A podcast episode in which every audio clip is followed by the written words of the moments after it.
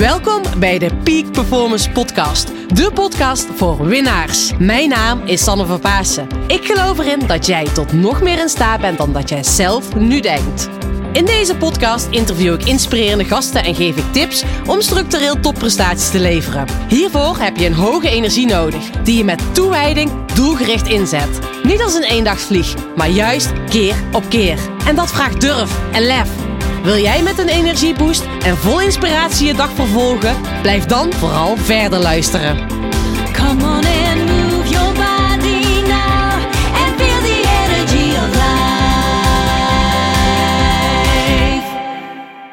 Tof dat je weer luistert naar deze nieuwe podcastaflevering. Jongens, wow, dit is zo'n waanzinnig mooi en echt enorm leerzaam interview. Ik heb Paul Rulkes mogen interviewen en Paul is de high performance coach van Nederland. In mijn ogen is hij echt de expert. En hoe tof is het dat je Paul dan mag interviewen? En heel, wat ik helemaal bijzonder vind, is dat Paul zei... Joh, Sanne, ik kom gewoon wel naar Vlieren toe. Ik eh, kom, ben toch in de buurt, dus ja, waarom zou ik gewoon niet naar Vlieren te komen? Dus ik heb Paul thuis mogen ontvangen en hij gaat ons echt mega waardevolle inzichten geven... hoe jij nog meer topprestaties neer gaat zetten. Dus ga luisteren, laat je inspireren. Nou, Paul neemt ons ook mee hoe hij die topprestaties heeft geleverd. Hoe hij vanuit een totaal andere achtergrond nu doet wat hij doet. En dat is zo mooi dat Paul deze stappen heeft gezet. Maar dat betekent ook dat jij dit kan doen. Dus kom echt in actie met deze tips en tricks. En ik geloof erin dat jij tot nog meer in staat bent dan dat je zelf nu laat zien. Nou je kan jezelf ook door Paul laten inspireren. Paul heeft verschillende boeken geschreven. En wat ook waanzinnig mooi heeft, hij heeft een aantal TEDx filmpjes of TEDx. Hij heeft vaker op het podium gestaan bij TEDx. En zijn filmpjes zijn wel meer, echt gaat over de miljoen keer heen gekeken. En dat is echt waanzinnig. Ze zijn gewoon viraal gegaan. En je zult ook zien als je de speeches bekijkt, ze zijn ook echt geniaal. Maar ja, misschien luister die uh, filmpjes na het luisteren van deze, dit podcast interview. Want ook in dit interview deelt Paul geweldige inzichten. Ga luisteren. En als je aan het luisteren bent, zou ik het heel erg tof vinden als je even deelt dat je deze podcast aan het luisteren bent. Dus maak even een screenshot, deel dit op uh, social media, tag mij en dat helpt mij ook weer om nog meer andere mensen te inspireren om te luisteren naar de Peak Performance podcast. Nou, ik wil je nogmaals enorm bedanken voor het luisteren en veel luisterplezier.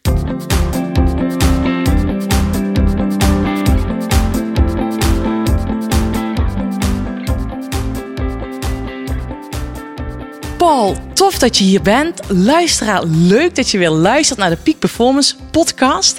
En vandaag heb ik echt wel een hele speciale gast. Hij is zelfs helemaal naar Vlieren gekomen, of all places. Hij kende het gelukkig, dus dat zegt genoeg dat hij hier de roots heeft, hier uit de buurt. Maar ik heb ja, echt een hele eer, want ik zag, uh, ik was net jouw filmpje aan het kijken, jouw TEDx-filmpje, gewoon 2 miljoen keer gekeken. Daarnaast is Paul auteur van drie boeken. En echt, ik zag ook nog een hele speciale achtergrond in de chemical engineer. Ik spreek het natuurlijk verkeerd uit. Um, en wat ik ook heel speciaal vond, je, hebt, je bent getraind als eh, stand-up comedian. En, net was je aan het vertellen, een passie voor schaken vanuit vroeger. Paul, welkom in deze podcast. Ja, dank, dankjewel Sanne. Komt allemaal samen op deze manier. Komt allemaal samen. Ja. Paul, de eerste vraag die ik altijd stel. Waar krijg jij het meeste energie van? Ah, de, de, het meeste energie krijg ik van uh, uh, het uh, helpen van andere mensen om uh, de lat omhoog te leggen. op de meest eenvoudige manier. dus op het moment dat ik met mensen of met teams of met organisaties aan de slag ga. En ik kan ze op een hele effectieve uh, en goede manier helpen om onmiddellijk beter te worden. Nou, daar, dan stuiter ik weg van de energie. Dus dat is echt mijn energieniveau. Ja, gaaf. En hoe doe je dat? uh, ja, hoe ik dat doe. Er is niet zozeer een, uh, een standaard, standaard recept. Maar eh, eh, wat, wat, ik, wat ik wel altijd doe, ik, eh, ik kijk wat een organisatie nodig heeft. Ja. En, eh, en op basis van wat ik zie wat ze nodig hebben, dan, eh, dan, dan, dan doe ik de interventie, hè, vaak zijn het interventie, eh, die ervoor zorgen dat de mensen heel snel resultaat krijgen en de volgende stap maken. Ja. Uh, dus dus eh, heel sterk eh, kijken, de diagnose zeg ik dan eventjes. En op basis van de diagnose pak dan de één of twee dingen die zo'n organisatie of zo'n persoon gaat helpen. En, eh, en zorg ervoor dat het geïmplementeerd wordt. Cool. Dat is wel echt eh, heel mooi. En je bent er vooral met grote bedrijven actief. Ja, als- je kijkt naar mijn, mijn klantenkring, eh, de, de, de eerste groep dat zijn eh, dat zijn wat, wat grote, vaak globale organisaties. en, en wat je daar ziet is, die organisaties die doen het al heel goed. Die zijn heel goed in, in wat ze doen. En mijn rol is om ze te helpen nog beter te worden. Hè. Zo Ja. worden de beste nog beter. Ehm, dus dat, dat is één, één klantenkring die ik heb. Een tweede klantenkring die ik heb, eh, dat zijn eh, de eh, succesvolle professionals of eigenaren van een wat kleiner bedrijf die het ontzettend goed doen, maar op zoek zijn naar de één of twee dingen die ze kunnen helpen om de volgende stap in hun business te nemen. En dat zijn vaak lokale, lokale klanten die, die ik dan eigenlijk op een, een hele eenvoudige en snelle manier kan helpen. Gaaf, tof. En ik, hè, ik zei het net al een stukje vooraf van, joh, je hebt een andere achtergrond. Hoe ben je hier zomaar ingerold? Ehm, ja, ook mijn, mijn achtergrond. De, ik ben origineel getraind als eh, chemisch ingenieur. Uh, en uh, toen ik klaar was met mijn studie, wilde ik eigenlijk de dingen doen die ingenieurs leuk vinden om te doen. en dat is problemen oplossen die niet terugpraten. Hè. Dat is typisch waar ingenieurs heel goed in zijn. En uh, dat, uh, dat, dat deed ik een aantal jaren. Uh, en ik, ik, bouwde fabrieken over de hele wereld. Ik, ik runde die fabrieken over de hele wereld. Maar na een paar jaar realiseerde ik me... oeps, wat mij tot hier heeft gebracht... gaat me niet meer tot daar brengen. Nee. En als ik de volgende stap wil halen... dan moet ik dus wat anders gaan doen. Nee. En toen, toen werd ik eigenlijk gefascineerd door de vraag... wat is het nou dat de meest succesvolle teams, mensen, organisaties anders doen als ze van A naar B willen op de meest eenvoudige manier. En het leuke was, daar is een hele hoop over geschreven, is er een hele hoop over bekend. Ik begon dat te bestuderen en ik paste de ideeën ook toe. En die ideeën die, die ik toepaste en die werkten, die, die hield ik. En de, ideeën die niet werkten, die, die weg daarmee. En uh, toen realiseerde ik me het anders. Als je, als je echt iets wil internaliseren, de truc is om uh, het te kunnen vertellen aan andere mensen. Het te kunnen leren aan andere mensen. En als dat lukt, dan heb je het geïnternaliseerd. Uh, dus um, ik begon workshops te houden en seminars te houden binnen, binnen een organisatie. Dat was DSM. Uh, over hoe haal je grote doelen, hoe, hoe, hoe breng je de lat nog hoger. En al heel snel werd ik weggeplukt naar de, de duistere zijde van de corporatie. Dat is hoofdkantoor. Oh, ja. dus ik kreeg een job in een hoofdkantoor. Ja. En die job in een hoofdkantoor was eigenlijk om het bouwen van een een high-performance organisatie, een high-performance cultuur. En dat ging erom, hoe maak je succesvolle mensen nog succesvoller? Dus dat deed ik een aantal jaren. En na een paar jaar realiseer ik mij dat ook buiten DSM een hele hoop succesvolle mensen waren die ik kon helpen. Dus uh, sinds een paar jaar run ik eigenlijk mijn eigen business. Oh, en dat is, dat is mijn, mijn verhaal. Super gaaf. Heel gaaf dat je eigenlijk door je eigen ontdekkingstocht ook jouw kansen eigenlijk ook binnen de organisatie hebt gecreëerd. Want dat hoor ik nog wel eens mensen zeggen van joh, uh, dat lukt niet, dat kan toch niet, heb ik niet gestudeerd. Maar je ziet gewoon dat jij nu ook wel echt het bewijs bent van. Uh, en straks zei het al toen, toen de microfoon nog niet aanstond, dat je zei van joh, je moet echt doen waar je energie van krijgt. En dan word je er ook goed in. En ja, dat is het natuurlijk ook gewoon zo. En dat zie je bij jou helemaal terug. Ja, wat, wat ik heb geleerd is, uh, de, de peak performance komt eigenlijk door drie dingen. Hè. Je, je doet iets waar je competent in bent, hè, ja. waar je goed in bent. Het tweede is, je bent er gepassioneerd over. Je vindt het leuk om te doen. En het derde is, het creëert waarde voor anderen. En uh, dat, is, dat is de ideale combinatie. En je moet ze alle drie hebben. Hè? Want, want als je competent bent, gepassioneerd, maar je creëert geen waarde voor anderen, dan heb je een hobby. Ja, dat klopt. Uh, dat is op zich helemaal niks verkeerd mee. Maar nee. uh, als je praat over business succes, ja, dan, dan, dan moet je hobby overstijgend opereren. Als je uh, competent bent, je creëert waarde voor anderen, maar je bent niet gepassioneerd. Wat je dan hebt, dan heb je een baan. Ja. En, en mensen die, die peak performance hebben, die hebben het nooit over een baan. Nee. nee ze doen iets wat geweldig is, wat ze ja. leuk vinden. En, en, en tenslotte, op het moment dat je gepassioneerd bent, je creëert waarde voor anderen, maar je bent niet heel erg competent. Het probleem is dat je dan een amateur bent. En, oh ja. uh, dat is heel lastig om, om je daar een, een, rol in te geven. Dus je hebt ze alle drie nodig. Maar als je alle drie hebt, dan, dan heb je de sweet spot. En dan kun je dus echt de stappen maken die je graag wil maken. Super mooi. Ik vind het wel echt super gaaf hoe je dit nu zo benoemt. Want dat is ook wat je heel vaak hoort. Of mensen vinden zijn werk niet leuk. Of ze zijn er nog niet goed in. Hè. Ze zijn een, de, de lat of de, de ander heeft de lat hoger liggen dan dat ze zelf hebben liggen. Ja, of je hebt mensen zoals ik. Ik zeg ja, ik heb geen werk. Mensen vragen, ga je nog op vakantie deze zomer? Dan zeg ik, eh, ik heb altijd vakantie. Ja, ja. Maar dat is wel, dat is wel geniaal. Ehm, maar hoe ben je tot deze ontdekking gekomen? Want hè, de- de- is er een bepaald moment in je carrière bij DSM geweest van... Of wat heeft voor jou het verschil gemaakt in jouw carrière? Eh, ik, denk, ik denk het moment dat het, eh, eh, dat, dat het echt klikte bij mij eh, was toen ik het initiatief neem, nam om, eh, om mensen iets te leren. De seminars en de workshops. En waar ik toen heel snel achter kwam, is dat ik eigenlijk heel goed was in wat ik deed. En toen vroeg ik mijzelf af, hoe kan ik dat nog meer doen? En hoe kan ik de talenten en de sterktes, want dat was een tweede component die ik al had. Hoe kun je die gebruiken eh, en inzetten om te doen wat je leuk vindt om te doen? En, en dat had dan ook weer te maken een beetje met mijn, met mijn eh, achtergrond als, eh, als ingenieur.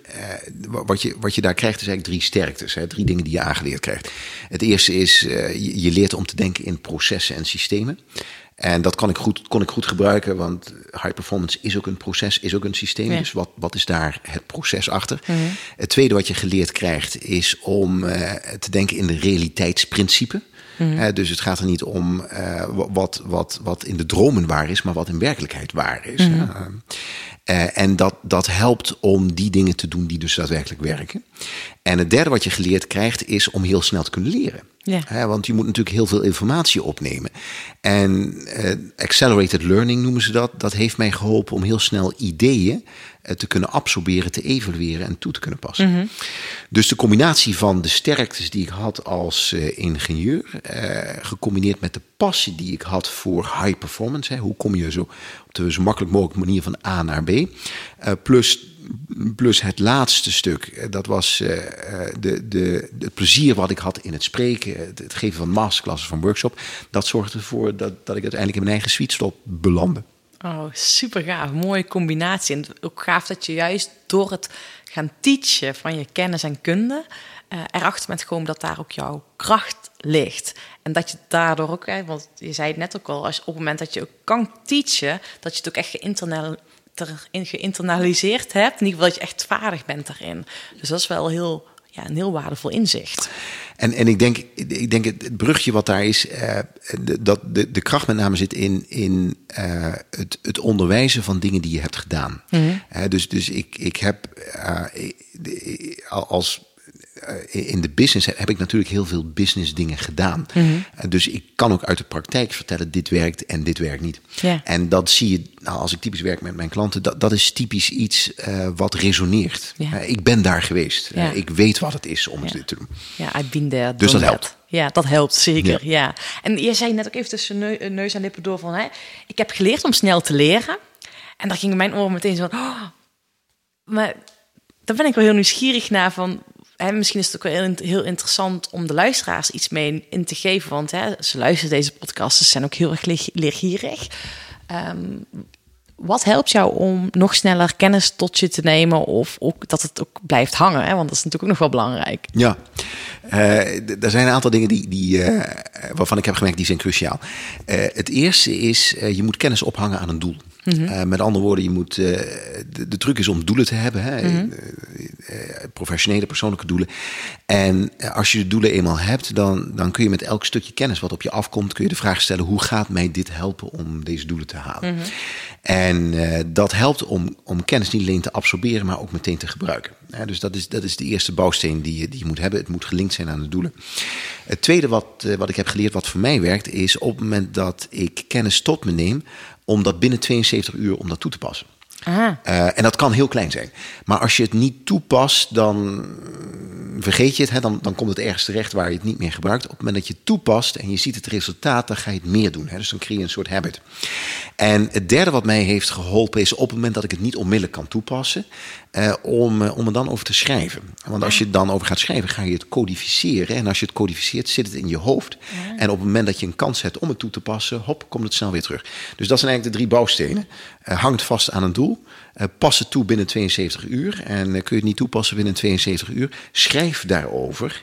En, en dan zul je vanzelf zien dat als je het nodig hebt, komt het ineens naar boven. Oh, super gaaf. Ik vind het wel heel mooi. En ik, bij mij begint dan ook meteen een, een lichtje te branden. Dan denk ik, oh, ik doe het gewoon automatisch eigenlijk precies hetzelfde. Want ik ben nu op dit moment mezelf ook helemaal aan het verdiepen in... eh, eh, ik, vind, ik vind geld verdienen gewoon magisch, maar ook investeren vind ik heel erg leuk. En daar ben ik nu volop mee bezig van hè, waar kan ik het beste in investeren. En dat merk ik ook. Ik ben ook gewoon ook al eh, om het is, ik ben er al veel mee bezig, maar het is relatief ten opzichte van heel veel andere mensen is, ben ik een beginner. En dan vind ik het, ik ben ook gewoon aan het teachen daarin. Ik ben aan het schrijven, ik ben het aan het doen. Dat vind ik wel heel grappig dat dat, ja, dat dat jou ook heel erg helpt om dat te doen. Dat ik het gewoon automatisch doe. Je, je ziet dus vaker dat, dat mensen eh, heel succesvol zijn door iets wat ze, wat ze onbewust toepassen. Ja. En eh, als je daarover gaat praten, dan realiseer je zich, ah, ik doe al heel veel van de dingen die je mij vertelt.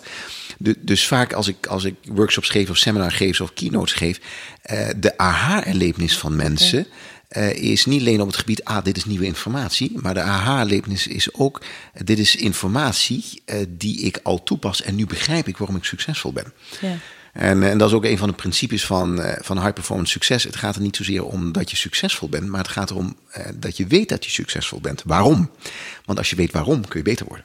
Ja, en waarom? Ja, en dat, en dat is natuurlijk, want dat zie ik ook heel vaak als je niet weet. Hey, want dat is wat ik zelf ook als ervaar van het gaat vanzelf. Maar als je, hè, ik doe het automatisch, maar als je inderdaad niet weet waarom het goed gaat of wat jouw toegevoegde waarde is, kan je het ook niet verbeteren of kan je het ook niet benoemen. Of wat ook heel belangrijk is als je die waarde wil leveren, dat je jezelf kan verkopen. Ja, absoluut. Want dat is natuurlijk ook wel heel erg belangrijk. absoluut. En hoe help je mensen want, eh, om zichzelf daar dan bewust van te maken, die helderheid te krijgen? Hoe help je, help je ze daarbij? Ehm, als ik, als ik eh, met mensen aan de slag ga over, eh, over high performance en, en de lat hoger leggen, eh, kijk ik eigenlijk naar, naar drie dingen. Dat zijn de standaard bouwstenen die ik altijd gebruik. Het eerste is helderheid. En eh, een van de eerste vragen die ik aan teams stel of, eh, of mensen stel is: wa- wat zijn, wat zijn de tien belangrijkste doelen die je een jaar vanaf nu wil halen? En ehm, eh, wanneer ehm, mensen daar moeite hebben om antwoord op te geven, ga ik met ze aan de slag om, om dat te definiëren. Want dat, dat, dat is wel de eerste stap die je moet hebben. Als je niet weet waar je naartoe gaat, is elke richting goed. Ja. Dus je moet wel weten waar je naartoe gaat.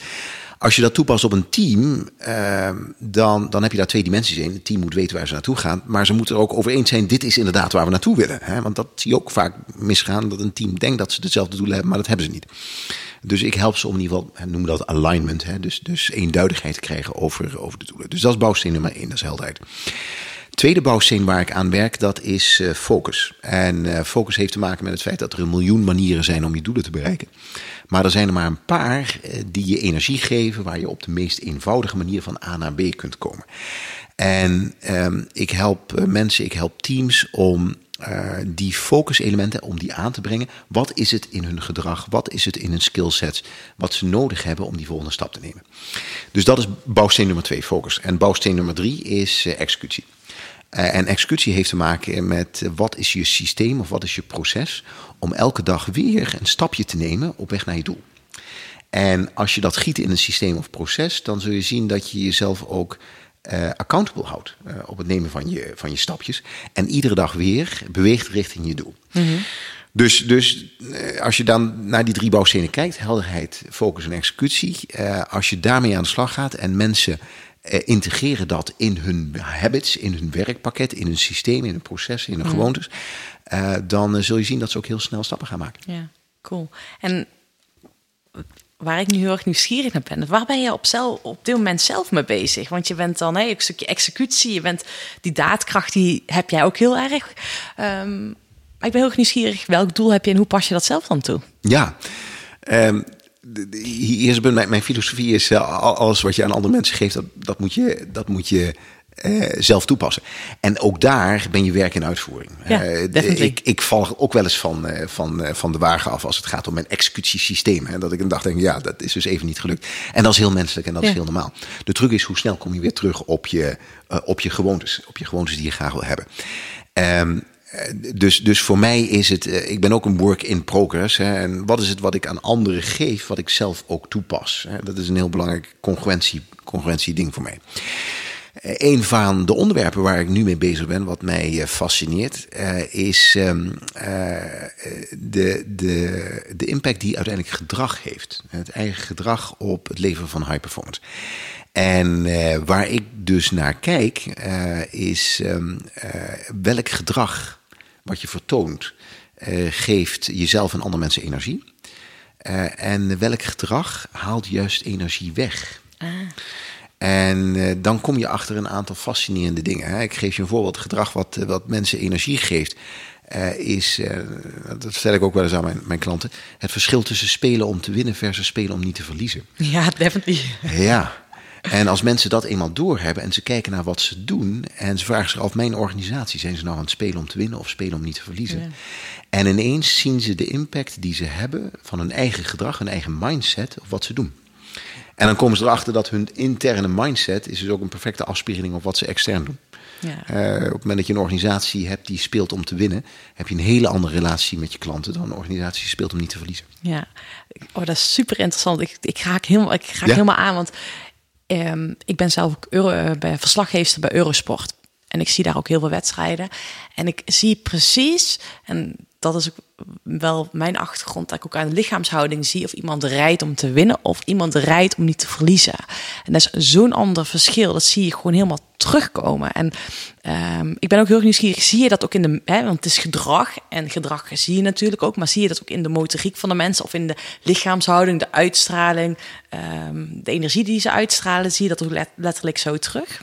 Je ziet het letterlijk terug in de energie. Een van de oefeningen die ik eh, wel eens met mensen doe, is dat ik zeg: eh, denk eens terug aan een tijd dat je in een team zat waar je topprestaties kon leveren. En, en vertel me eens, wat zijn de gedragingen die je daar ziet? En als je die oefening doet, dan kunnen mensen niet wachten. Ze staan letterlijk te springen op de stoel om te zeggen: Oh, we deden dit en we deden dit en we Ja, deden dit. Ze waren zo enthousiast. Ja. Soms doe ik ook de andere kant, dat ik zeg: denk eens aan een tijd dat je in een team zat wat het heel beroerd deed. Ja. En dan zie je mensen dus in elkaar krimpen. Ja. En zeggen, ja, dat was dit en dat was dat en dat was dat. Dus het hele energieniveau wordt compleet anders als ze, als ze zich realiseren Ja. eh, welke gedragingen erbij horen. Dus eh, heel herkenbaar. Ja, oh, super cool. En geef je ze dan ook concrete tools mee hoe ze zelf die shift kunnen maken om weer te gaan winnen? Ja, Ehm, eh, al- als we het hebben over een oefening eh, spe- spelen, spelen om te winnen. eh, een van de dingen die ik met mensen vaak doe, is standaarden. En ik vraag ze af, als, als jullie nou kijken naar je teammeeting. Ja, en we praten over spelen om te winnen. De teammeeting die jullie hebben, is dat de beste teammeeting van de hele organisatie? Is dat een voorbeeld voor iedereen? En als dat wel zo is, wat kun je doen om het nog beter te maken? En als het niet zo is, wat kun je morgen doen om daar stappen in te zetten? En door het heel concreet te maken, door het heel tastbaar te maken, zul je zien dat mensen met ideeën komen. Oh wauw, we kunnen dit doen en we kunnen dit doen en we kunnen dit doen. Vaak weten mensen wel wat ze moeten doen, maar ze, ze, ze moeten het, ze moeten het een, een plaats geven, ze moeten het kunnen framen om, daar, om, daar, om het tastbaar te maken. Ja, ja super mooi. En gaan ze daar dan ook meteen mee aan de slag? Of zit er dan, want dat vind ik ook altijd wel bijzonder. Ehm, en ook wel van de tijd dat ik in een team heb gezeten. Ik heb na mijn sportcarrière ehm, een jaar voor de baas gewerkt. om ervaring op te doen, werkervaring, omdat ik bij een bedrijf binnen wilde kijken. Maar ik merkte dat ik, eh, ehm, ik zat in een team die wilde verliezen. Of die bezig waren om niet te verliezen, in plaats van die wilde winnen. En dat is best wel, als jij als enige zichzelf er bewust van bent, ik wil graag winnen.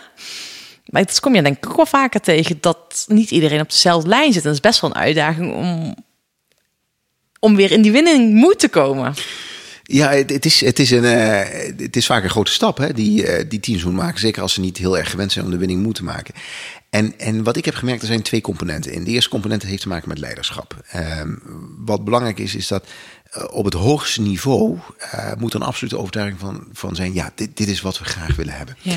En de reden is heel simpel: het, het minimale wat je als leider laat zien, is het maximale wat je van je mensen kunt verwachten. En dus op het moment dat je met een team werkt, waarbij de leider eigenlijk niet gelooft in wat ze willen doen, ja, dan komt er ook niet veel uit. Dus leiderschap is daar essentieel in. hè. En vaak is het ook zo dat ik, dat ik werk met, met senior leiderschapsteams om ze zich bewust te maken wat is nou de standaard, het rolmodel wat ik daar zet op mijn minimale gedrag. Ja. Want op het moment dat ze hun eigen minimum opschroeven, zie je dat het gedrag van de rest van de organisatie Ja. meegaat. Dus een heel makkelijk ding. Ja. Dus dat is, dat is component nummer één.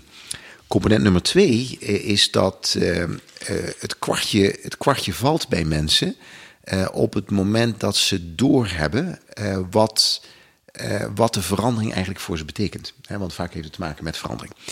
En wat, wat, wat je moet realiseren, mensen veranderen eigenlijk vanwege drie redenen. De eerste reden is eh, compliance. Hè. Eh, je doet het anders, ontsla ik je. Oké, dan doe ik wat anders. Eh, de tweede reden is peer pressure. Ik zou het maar doen, want jouw buurman doet het ook en die is daar heel succesvol in. En de derde reden is eigenbelang, verlicht eigenbelang. Nou, wat er gebeurt is op het moment dat je werkt met compliance of werkt met peer pressure, als je de druk weghaalt, vervallen mensen terug naar hun eigen belang. Naar, naar hun eigen, naar een ouder gedrag. Ja. Terwijl als je praat over je eigen belang, hey, als je dit gedrag gaat vertonen, als je werkt in het team, als je dit voor elkaar kunnen krijgen, wat betekent dat dan voor jou, voor jouw doelen, eh, wat jij kunt bereiken? Als ze die klik eenmaal hebben gemaakt, hoeven ze niet meer gemotiveerd te worden, zijn ze er en Ja. weten ze, ah, dit is interessant, Ja. dit wil ik graag doen. Ja. Dus het is die, die route die je altijd moet spelen, verlicht eigen belang. Ja, en ehm, die eigen belang gekoppeld aan intrinsieke motivatie in plaats van, joh, als je dit gaat doen, dan krijg je meer grotere bonus. Ja, de- de extrinsieke motivatie is een beetje een probleem. Want als je de, de stimulus weghaalt, dan, dan is het ook weg. Intrinsieke motivatie eh, heeft alles te maken met eh, eh, energie. Eh, als je dit gaat doen, krijg je er energie van. Ja, daar Ja. krijg ik energie van. Ja. Oké, dan ben je intrinsiek gemotiveerd en dan gaan mensen ook. Ja, ja dat, is, dat- oh, dat vind ik echt zo, dat is zo belangrijk. Van, krijg je er energie van? En ik, ja, weet je, we, zijn, we denken heel vaak hè, dat mensen gaan dingen doen omdat ze goed zijn. Want jij was ook goed in de chemische processen. Maar uiteindelijk merkte je van, mm, volgens mij is het niet meer datgene waar ik het meeste energie van krijg. Dus, en dat verandert ook heel je leven. De- de- de- de- ik- er zijn een aantal componenten in. Hè. De eerste component is, is wat je tot hier heeft gebracht, gaat je niet meer tot daar brengen. Nee. En eh, dat betekent dat eh, je in je leven je regelmatig moet, eh, opnieuw moet uitvinden. Wa- wat is het wat mij tot daar gaat brengen? Eh, dat betekent dat je moet bouwen op je sterktes. Eh, want het is veel makkelijker om tien keer zo sterk te worden in datgene waar je goed in bent, dan om een klein beetje te verbeteren in datgene waar je slecht in bent. Hè. Dus, dus bouw vooral op sterktes. Dat is, dat is ook mijn, mijn, eh, mijn, mijn filosofie naar teams en naar mensen toe. Wat zijn je sterktes en hoe kun je daar meer van doen? Eh, de, de tweede component die daarin zit, eh, is als je praat over gedrag, om je bewust te worden van de, de gewoontes eh, die ervoor zorgen dat energie bij jezelf en bij anderen weggaat. En ik noem dat eh, kryptoniet gedrag. En wat is kryptoniet? Hè? Kryptoniet, als je kijkt naar Superman, hè, die, die was eh, krachtig, hè, maar behalve bij een, een materiaal, dat heet kryptoniet. En die zorgt ervoor dat al zijn superkrachten eigenlijk verdwenen. En wat je ziet bij mensen is dat ze superkrachten hebben, maar ze hebben ook een aantal gedragingen. Dat is eigenlijk kryptoniet voor hun superkrachten. Dus ze doen dingen die ervoor zorgen dat die superkrachten gewoon niet tot uiting komen. Eh, Een voorbeeld van kryptoniet gedrag, wat ik vaak bij mensen zie, eh, is, dat, eh, is dat mensen te veel waarde toevoegen. Te veel waarde toevoegen. Dat wil zeggen, ze zijn in gesprek met een team, in een teammeeting. Misschien zijn ze de leider. En ze hebben het gevoel, oh ja, ik moet hier bijdragen, ik moet hier leider zijn. Dus ze stappen in en zeggen, ah, maar toch moeten we het zo gaan doen. Of het is een goed idee, maar laten we het blauw doen. Iets wat irrelevant is voor de motivatie, voor het effect, maar een hoge invloed heeft op de motivatie van andere mensen. En als je te veel waarde toevoegt, wat er gebeurt is dat je de motivatie van anderen juist weghaalt. Ja. Ja, dus dat is typisch een gedrag wat kryptoniet gedrag is. Ah, ja. Ja. Een ander voorbeeld van kryptoniet gedrag is eh, luisteren om te antwoorden in plaats van luisteren om te begrijpen. Eh, dat zie je dus ook vaak. Dat mensen in een gesprek zitten waarbij ze luisteren om antwoord te geven. En het moment zoeken om in te grijpen. En nu wil ik wat zeggen. Ah. In plaats van ik wil gewoon begrijpen wat je zegt. Ja? En dat is ook kryptoniet gedrag. En als mensen zich bewust zijn, hé hey, wacht, dit is gedrag wat ik doe, dan zien ze ook dat ze met een hele simpele mechanisme dat gedrag kunnen, kunnen veranderen. Oh, wacht even, vanaf nu wil ik luisteren om te begrijpen in plaats van luisteren om te antwoorden. Oh, En als je daarop gefocust bent, dan zie je ze de stappen maken. Dit is dus ook wel een heel mooi voorbeeld. Want ik denk dat ik merk dat meteen. Dat ik denk, oh, dat herken ik wel. Ook de luisteraar weet ik zeker dat hij dat ook herkent. Dat je met mensen in gesprek bent en dat je denkt, ja, maar je hebt helemaal niet verstaan wat ik heb gezegd. Je hebt helemaal niet gehoord. Jij wil gewoon inhaken of jouw ding zeggen. Ehm, of dat iemand vraagt aan je, hoe gaat het met je? En dat hij eigenlijk niet eens luistert hoe het met je gaat. En eigenlijk liefst hoopt dat je goed zegt, maar dat hij zijn verhaal wil doen. Heel herkenbaar. En, en dat is een interessant eh, ding wat je vertelt. Hè? Want als je realiseert, eh, waar krijg je het meeste energie van? Hè? Met, met welke conversaties krijg je het meeste energie? Eh, dan zie je dat de conversatie waar je het meeste energie van krijgt... zijn met die mensen die luisteren om te begrijpen. De conversatie waar je zo snel mogelijk weg wil... dat zijn de conversaties met de mensen die luisteren om te antwoorden. Ja. Ja, Dus, dus eh, dat zegt iets over de energie die je kunt leveren aan andere mensen... of afnemen van andere Ja. mensen. ja. Door je eigen gedrag. Ja, ik zeg ook altijd, weet je, die connectie maak je met iemand. En als je inderdaad eh, luistert om te antwoorden, maak je geen connectie, want dan vlieg je eroverheen. En dat is natuurlijk in organisaties, als jij mensen mee in beweging wilt krijgen, dan is het heel belangrijk dat je die ander begrijpt en dat je ook het gevoel hebt dat je begrepen wordt, want anders ga je nooit in die beweging meekomen. Ja, klopt helemaal. Ja. En hoe ben je bij het woord crypto niet?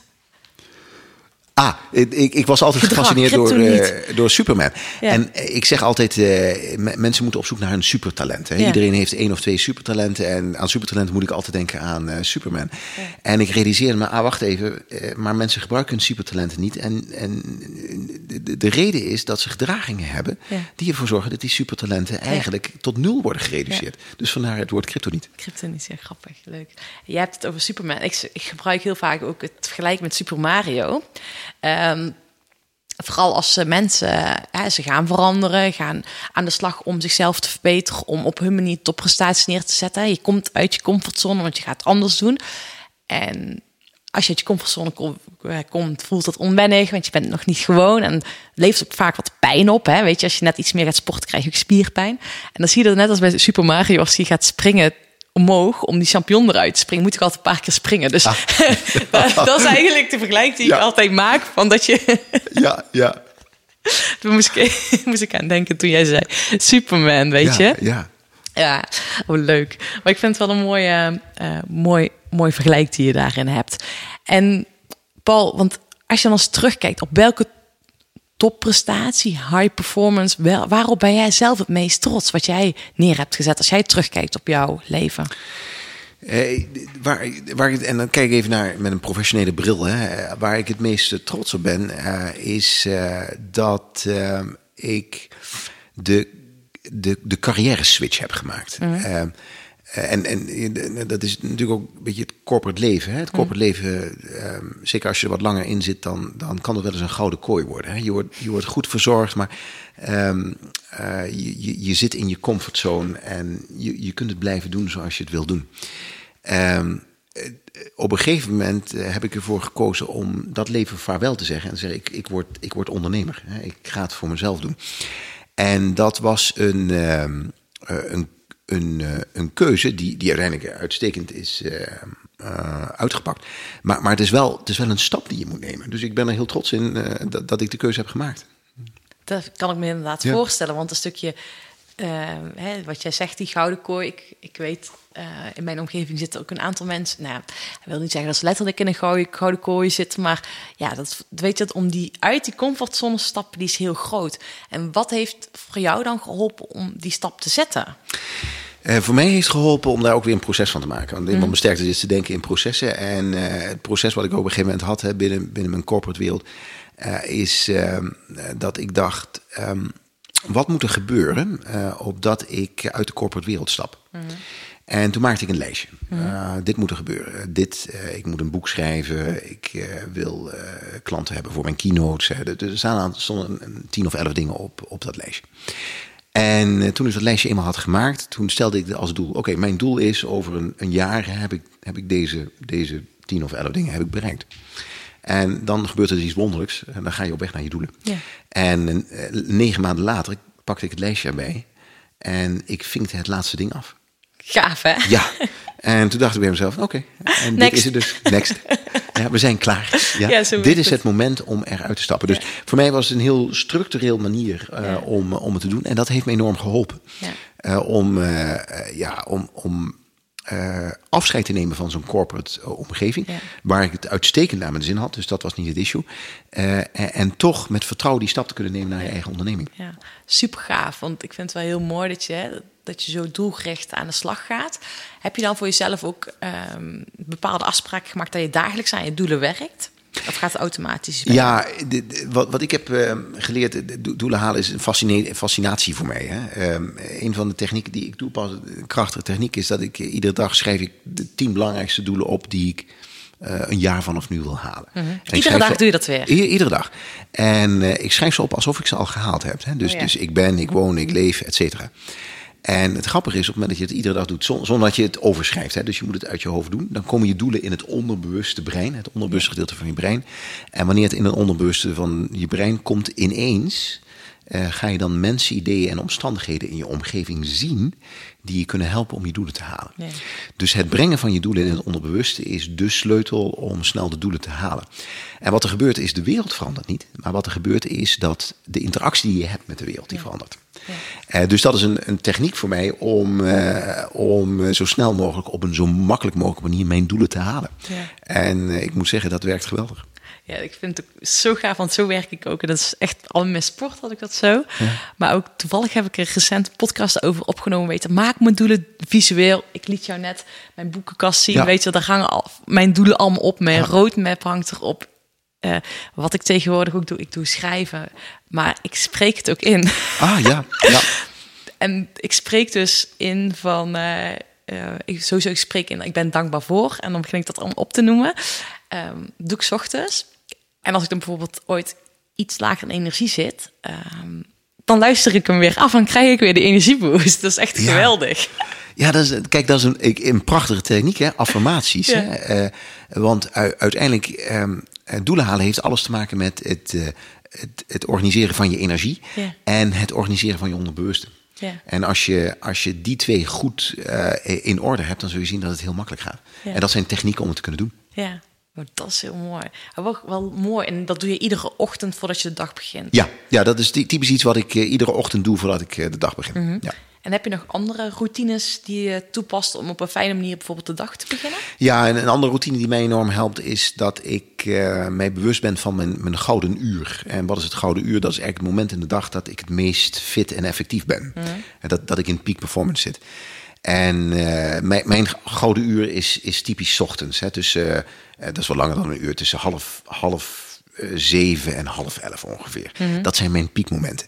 Dus wat ik heb geleerd is om de moeilijke dingen die denkkracht vereisen of zaken bijvoorbeeld opschrijven of codificeren of IP ontwikkelen. dat is typisch wat ik doe op die momenten in de dag. En dan zie ik dat ik daar heel effectief in ben. Hè, dus dat is een, een tweede techniek, hè, mijn gouden uur om dat te kunnen doen. En dan mijn derde techniek is om mijn kikker te eten. En eh, kikker te eten is de metafoor. En de metafoor is, eh, stel je voor dat je iedere dag begint met het eten van een levende kikker. Hè? Dus dat is het meest vreselijke wat je doet.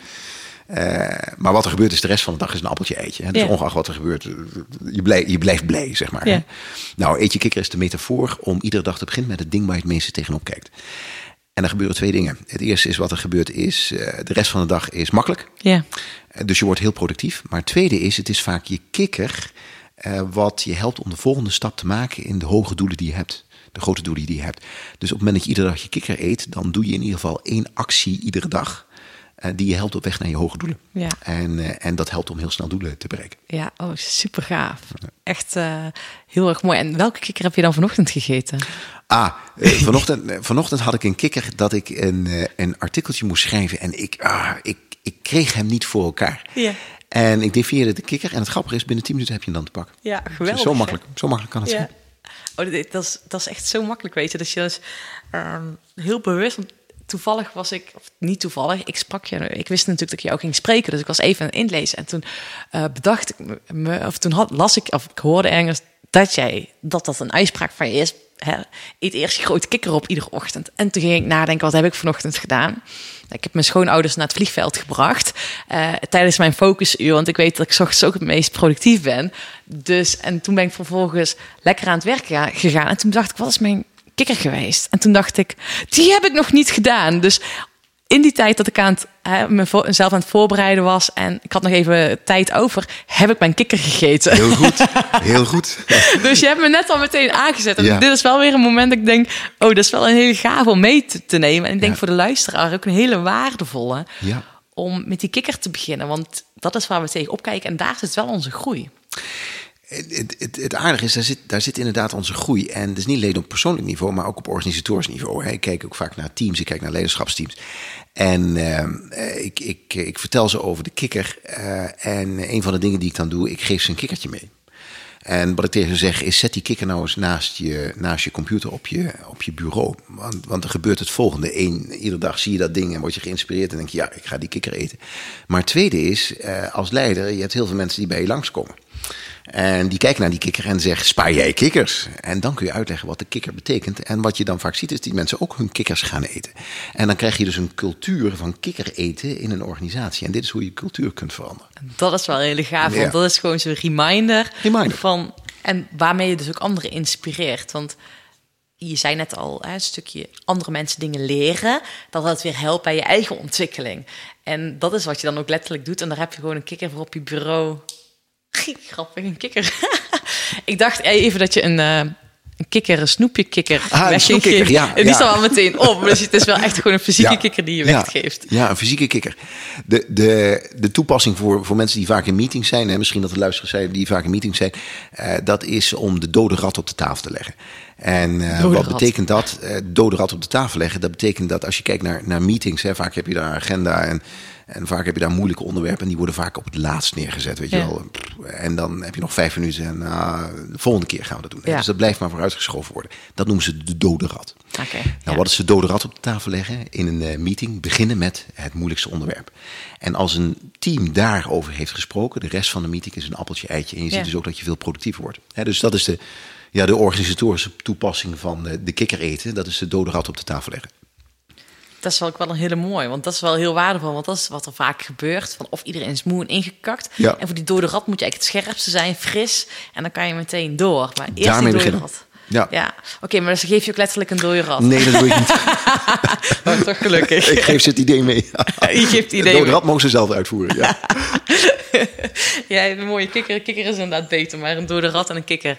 Maar in de organisaties die jij dus begeleidt, daar zijn dus eh, eh, kikkers en ratten. Zie je vaak kikkers en ratten? Ja, ja, ja. Ja. dat is ook de conversatie die ze hebben. Ja, oké, oké. Hebben onze we kikker gegeten, hebben de dode rat nu benoemd. Hè? Dat Ja. is typisch wat ze tegen elkaar zeggen. Ja. Oké, cool. En is dat nog steeds ook een uitspraak die ze bij DSM... Had je die uitspraken destijds ook bij DSM al? Ja, in, in- kijk, binnen zo'n bedrijf als DSM, dat is natuurlijk heel groot. Eh, daar, daar, zie je, daar zie je dat ehm, eh, cultuur, die kun je sturen door, eigenlijk door drie dingen. Dat is taal, dat is metaforen en dat is verhalen. Ja.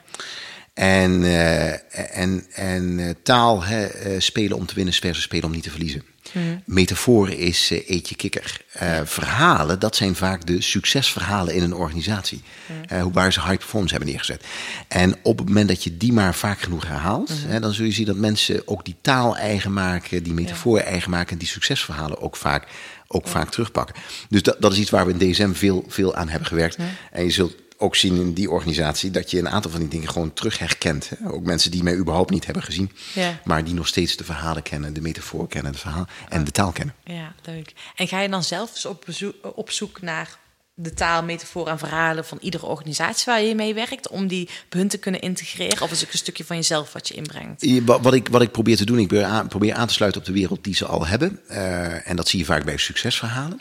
Eh, maar wat ik ook doe, is eh, dat ik de metaforen en de taal pak, waarvan ik weet die zijn heel krachtig ook in andere organisaties. Dus ik breng ook goede elementen van andere organisaties binnen in een organisatie. En dan zie je met, dat je met kleine stapjes al heel veel, heel veel, eh, heel veel eh, succes kunt bereiken. Ja, dus een combinatie van mij. Vaak is een hybride van Ja, de twee. ja, ja, cool. Ja. Dus door die twee, want dat is wel inderdaad, mm, vind ik het leuk, wat, wat hè, wat er nu bij mij gebeurt. Je krijgt een glimlach op je gezicht, je gaat lachen en denkt, oké, laat ik die kikker maar eens eten. Weet je, dat is gewoon eh, waardoor je mensen ook echt in beweging krijgt. Dus Ja. dat is wel een hele slimme, eh, nou ja, ik weet niet of ik wil zeggen een truc, maar dat is wel slim om die zo te verpakken, zeg Ja, maar. ja, ja. Ja, het is een trigger. Hè? Eh, Mensen hebben triggers nodig in hun omgeving, in hun taal, om dingen bespreekbaar te maken. Ja. En eh, va- vaak zie je als, je, als je de taal en de metaforen eenmaal te pakken hebt, is het ook heel makkelijk om snel tot de kern te bewegen. Eh, voorbeeld op het moment dat een team vastzit in het denken en iemand roept: Hey team, zijn we hier aan het spelen om te winnen of spelen om niet te verliezen? Ineens is iedereen aan boord. Ja. Ja, we weten waar het over gaat. Ja, Ja. we zijn aan het spelen om niet te verliezen. Oké. Bam. Wat moeten we anders doen? Ja, wat gaan we doen? Ja, cool. Ja, dus meteen omdraaien. En waar ik ook nog heel erg nieuwsgierig naar ben, is Paul, is heel iets anders. Hè? Ik zag dus jouw YouTube-filmpje gewoon 2 miljoen keer bekeken. Was dat ook een doel van jou om zo TEDx daar op het podium te staan met een knalspeech? Of is dat per ongeluk gebeurd? Nou, mijn, mijn, het is. ehm, eh, dit, dit wa- dit was mijn, mijn tweede speech eigenlijk. Eh, ik, ik, eh, het jaar daarvoor had ik een eh, andere, andere TEDx gedaan. TEDx gedaan. Eh, dat was ook heel leuk. Eh, en, en het jaar daarna werd ik door de TED-organisatie gevraagd... hey, dat ging heel goed, die eerste speech. Kun jij eh, nu de laatste doen van dit programma... Hè, om de mensen met energie eh, mee te geven? En daar heb ik toen ook over, eh, over nagedacht. Wat, wat voor verhaal wil ik, daar, wil ik daar neerzetten? Nou, TED is wat anders dan een keynote. Hè. Ik, ben, ik ben ook een professionele spreker. Eh, het verschil bij, bij TED is, het is eh, heel erg tijdsgebonden. Eh, er zit heel veel choreografie in. Hè. Je, je kunt niet en je kunt heel weinig sturen op de reactie van het publiek. Hè. Want ja, het publiek 12 minuten en dan, dan gaan de volgende. Bij een keynote doe je dat veel meer. Uh, dus ik had hem zo georganiseerd dat ik, uh, dat ik eigenlijk één boodschap daar had... die ik in twaalf minuten naar het publiek uh, kon neerzetten. En, en mijn doel, ik had een aantal doelen. Mijn doel was om zo'n dag af te sluiten met, met een, een hoge noot, hè, energie. Ja. dat was mijn doel. maar mijn, mijn tweede doel was ook ja, geloofwaardigheid. Hè. Als, je, ja. als je in de, in de wereld jezelf wil neerzetten als spreker... helpt het om, om, om een platform, hè, dat mensen het kunnen zien... En uh, wat je daarvan zag, is dat dat laatste ineens viraal ging. En uh, viraal betekent dat als dat eenmaal loopt, dan is het een vliegwiel hè, die steeds sneller gaat. Dus vandaar dat je dan ineens heel veel, heel veel views hebt. En, en het leuke is dat op basis van die, van die views en die talk, dat ik ook veel ehm, klanten krijg in mijn business die zeggen: We hebben het gezien. Ehm, kun, jij, kun jij ons ook helpen hè, om, om iets te vertellen? Dus, dus voor mij helpt het ook als marketinginstrument uh, om mijn, uh, mijn business uit te breiden. Ik had, ik had niet verwacht dat het zo succesvol zou zijn, maar ik had het wel neergezet. Dus hey, dit is een mooie credibility. Dit is Ja. een goed platform om, Ja. om op internet iets te kunnen doen. Ja. Oh, super gaaf. Ja. Dus achteraf is het succes groter dan op dat moment. Maar Ja. ja. En want je zei, of ik zei het straks al, vond ik heel tof om te lezen, is dat je een stukje met stand-up comedian hebt gedaan. Heb ik ook gedaan, ja. Eh, puur om jouw speeches beter te maken. D- ik, er, waren, ja, er waren een aantal dingen die bij elkaar kwamen. Eh, en en eh, eh, soms, soms dan, dan leer je skills die later pas van, van pas kwamen. Eh, een van de skills waar ik vroeger door gefascineerd werd, is debatteren. Ik heb vroeger heel veel debatwedstrijden meegedaan. Dat betekent dat je in de taal dingen leert en je leert formuleren, je leert scherp zijn. Het tweede waardoor ik gefascineerd was, is, eh, was straattheater. Heb ik ook een aantal jaren gedaan. Hè. Dus, dus eh, straattheater, improvisatietheater, waarbij je heel sterk mimiek krijgt, hè, mimiek over kunt dragen. En het derde, en dat was toen ik, toen ik een aantal jaar in de Verenigde Staten woonde. Toen, toen, toen, toen, ik woonde toen in New Orleans. En op een gegeven moment zag ik daar een, een advertentie staan. Hey, we beginnen met stand-up comedy klas. En ik denk, ja, dat is fascinerend, dat wil ik graag doen.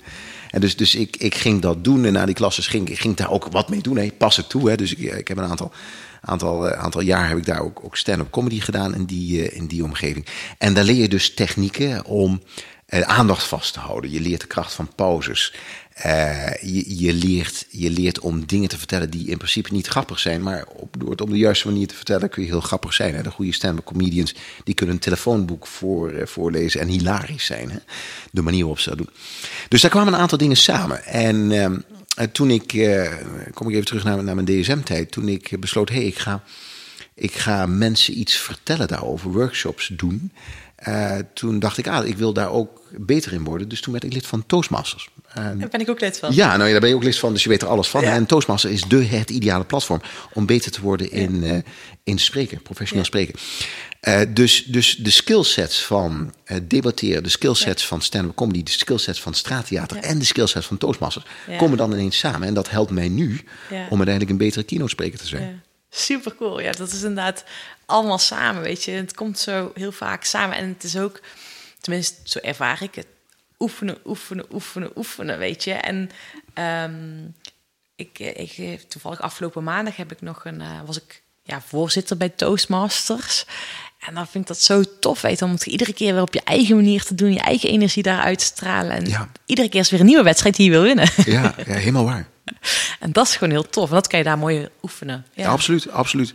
Eh, het is, eh, je kunt er veel over lezen, maar het doen zorgt er uiteindelijk voor dat je beter wordt. Hè? Ja. Het doen en onmiddellijke feedback. Dat is de manier waarop het gaat. En Toastmasters is daar perfect voor. Ja, superleuk. Want hoe lang ben je daar lid van geweest? Ik ben daar een jaar of drie lid van geweest. Ja. Ja.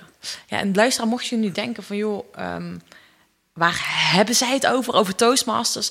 Nou, grote kans dat die bij jou in de omgeving ook zit. Zit er heel Nederland heen zijn. Is een club waarbij je dus je spreekskills kan verbeteren. En nu zul je misschien wel denken...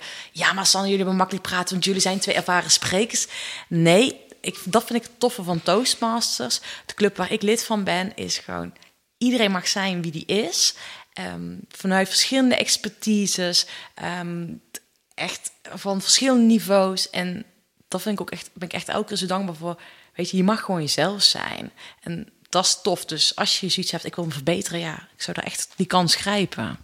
Helemaal mee eens, Sanne. Het is een eh, perfect platform als je, als je wil spreken en op alle niveaus. Ja, en je, kan meters maken. Doen, hè? dat hebben we het nou over. Je moet die executie zorgen. Dus als je ergens beter wil horen, dan, dan is dat noodzakelijk.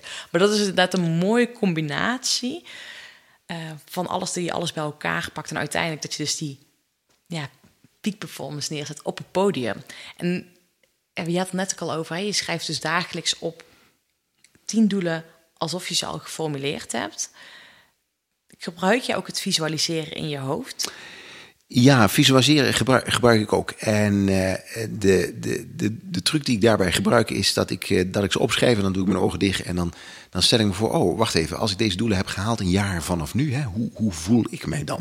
En dan komt dat visuele komt dat vanzelf. Ja. De, de, eh, een van de verwarringen die mensen wel eens hebben bij visualiseren is dat ze denken, ja, visualiseren betekent dat je je ogen dicht doet en, en je ziet een Hollywoodfilm. Eh, ja, dat, dat doe ik ook niet. Eh, wat, wat visualiseren wel is, is dat je je ogen dicht doet en je, eh, en je maakt contact met het gevoel wat je hebt op het moment dat je het haalt. Ja. Eh, want uiteindelijk het gevoel wat, je in de solar plexus terugvindt, hè, dus, dus achter de maag, Ja. eh, dat is wat je drijft. Hè. Dat is de energie om te zeggen, oké, en vandaag weer een stapje nemen en vandaag weer een stapje nemen. Dus visualiseren is voor mij een, heel, een, hele, een hele belangrijke. Tweede wat ik doe bij visualiseren is op het moment dat ik plaatjes zie, waarvan ja, dat inspireert me, hè, dan, dan haal, ik die ook, haal ik die ook eruit en dan heb je een vision board of ik maak daar screensavers van. Juist om dat visuele, om, dat, eh, om dat vast te blijven houden.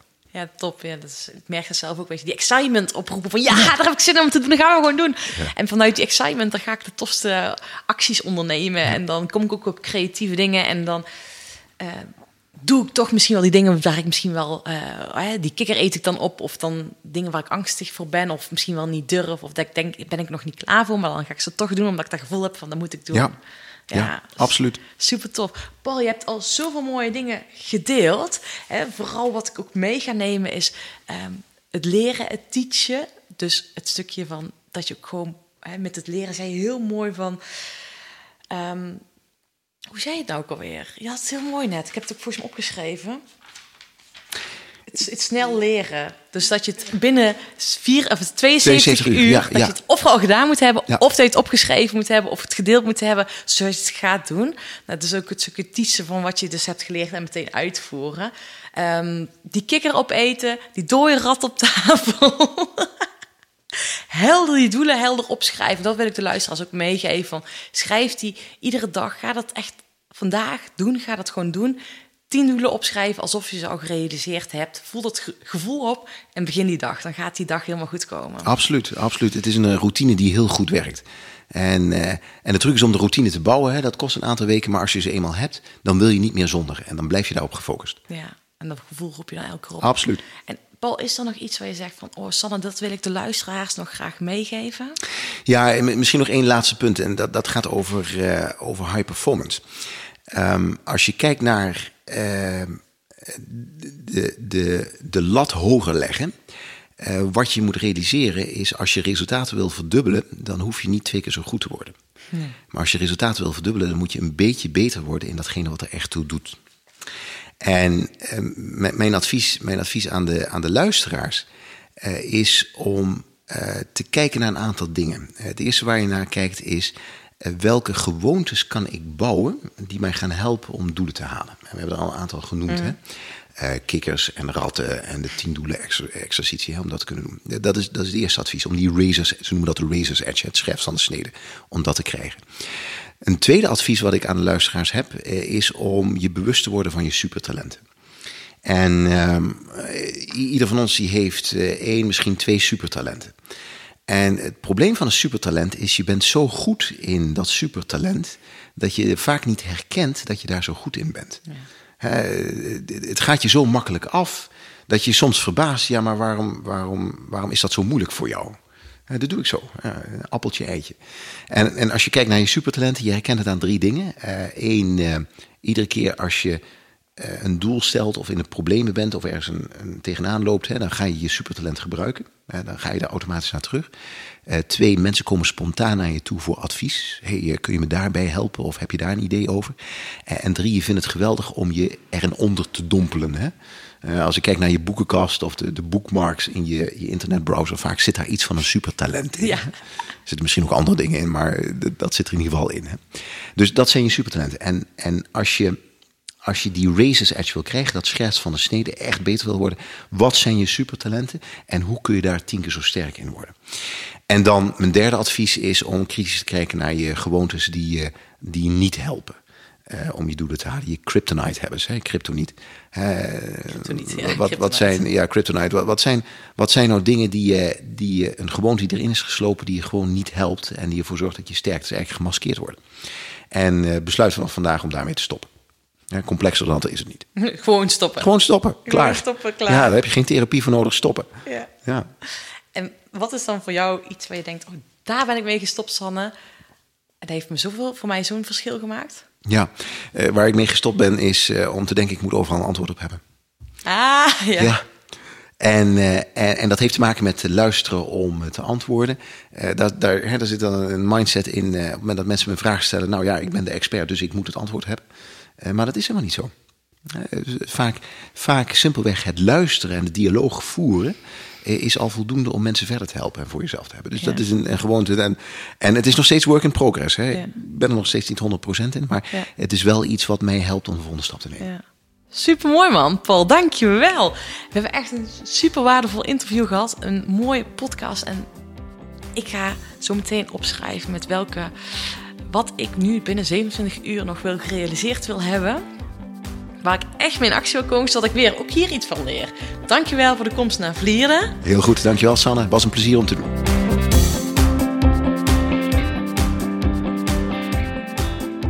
Wow, dank je wel dat je weer hebt geluisterd naar deze mooie podcast-interview. En ik ben ook weer zo blij dat ik deze mooie, inspirerende mensen allemaal mag interviewen.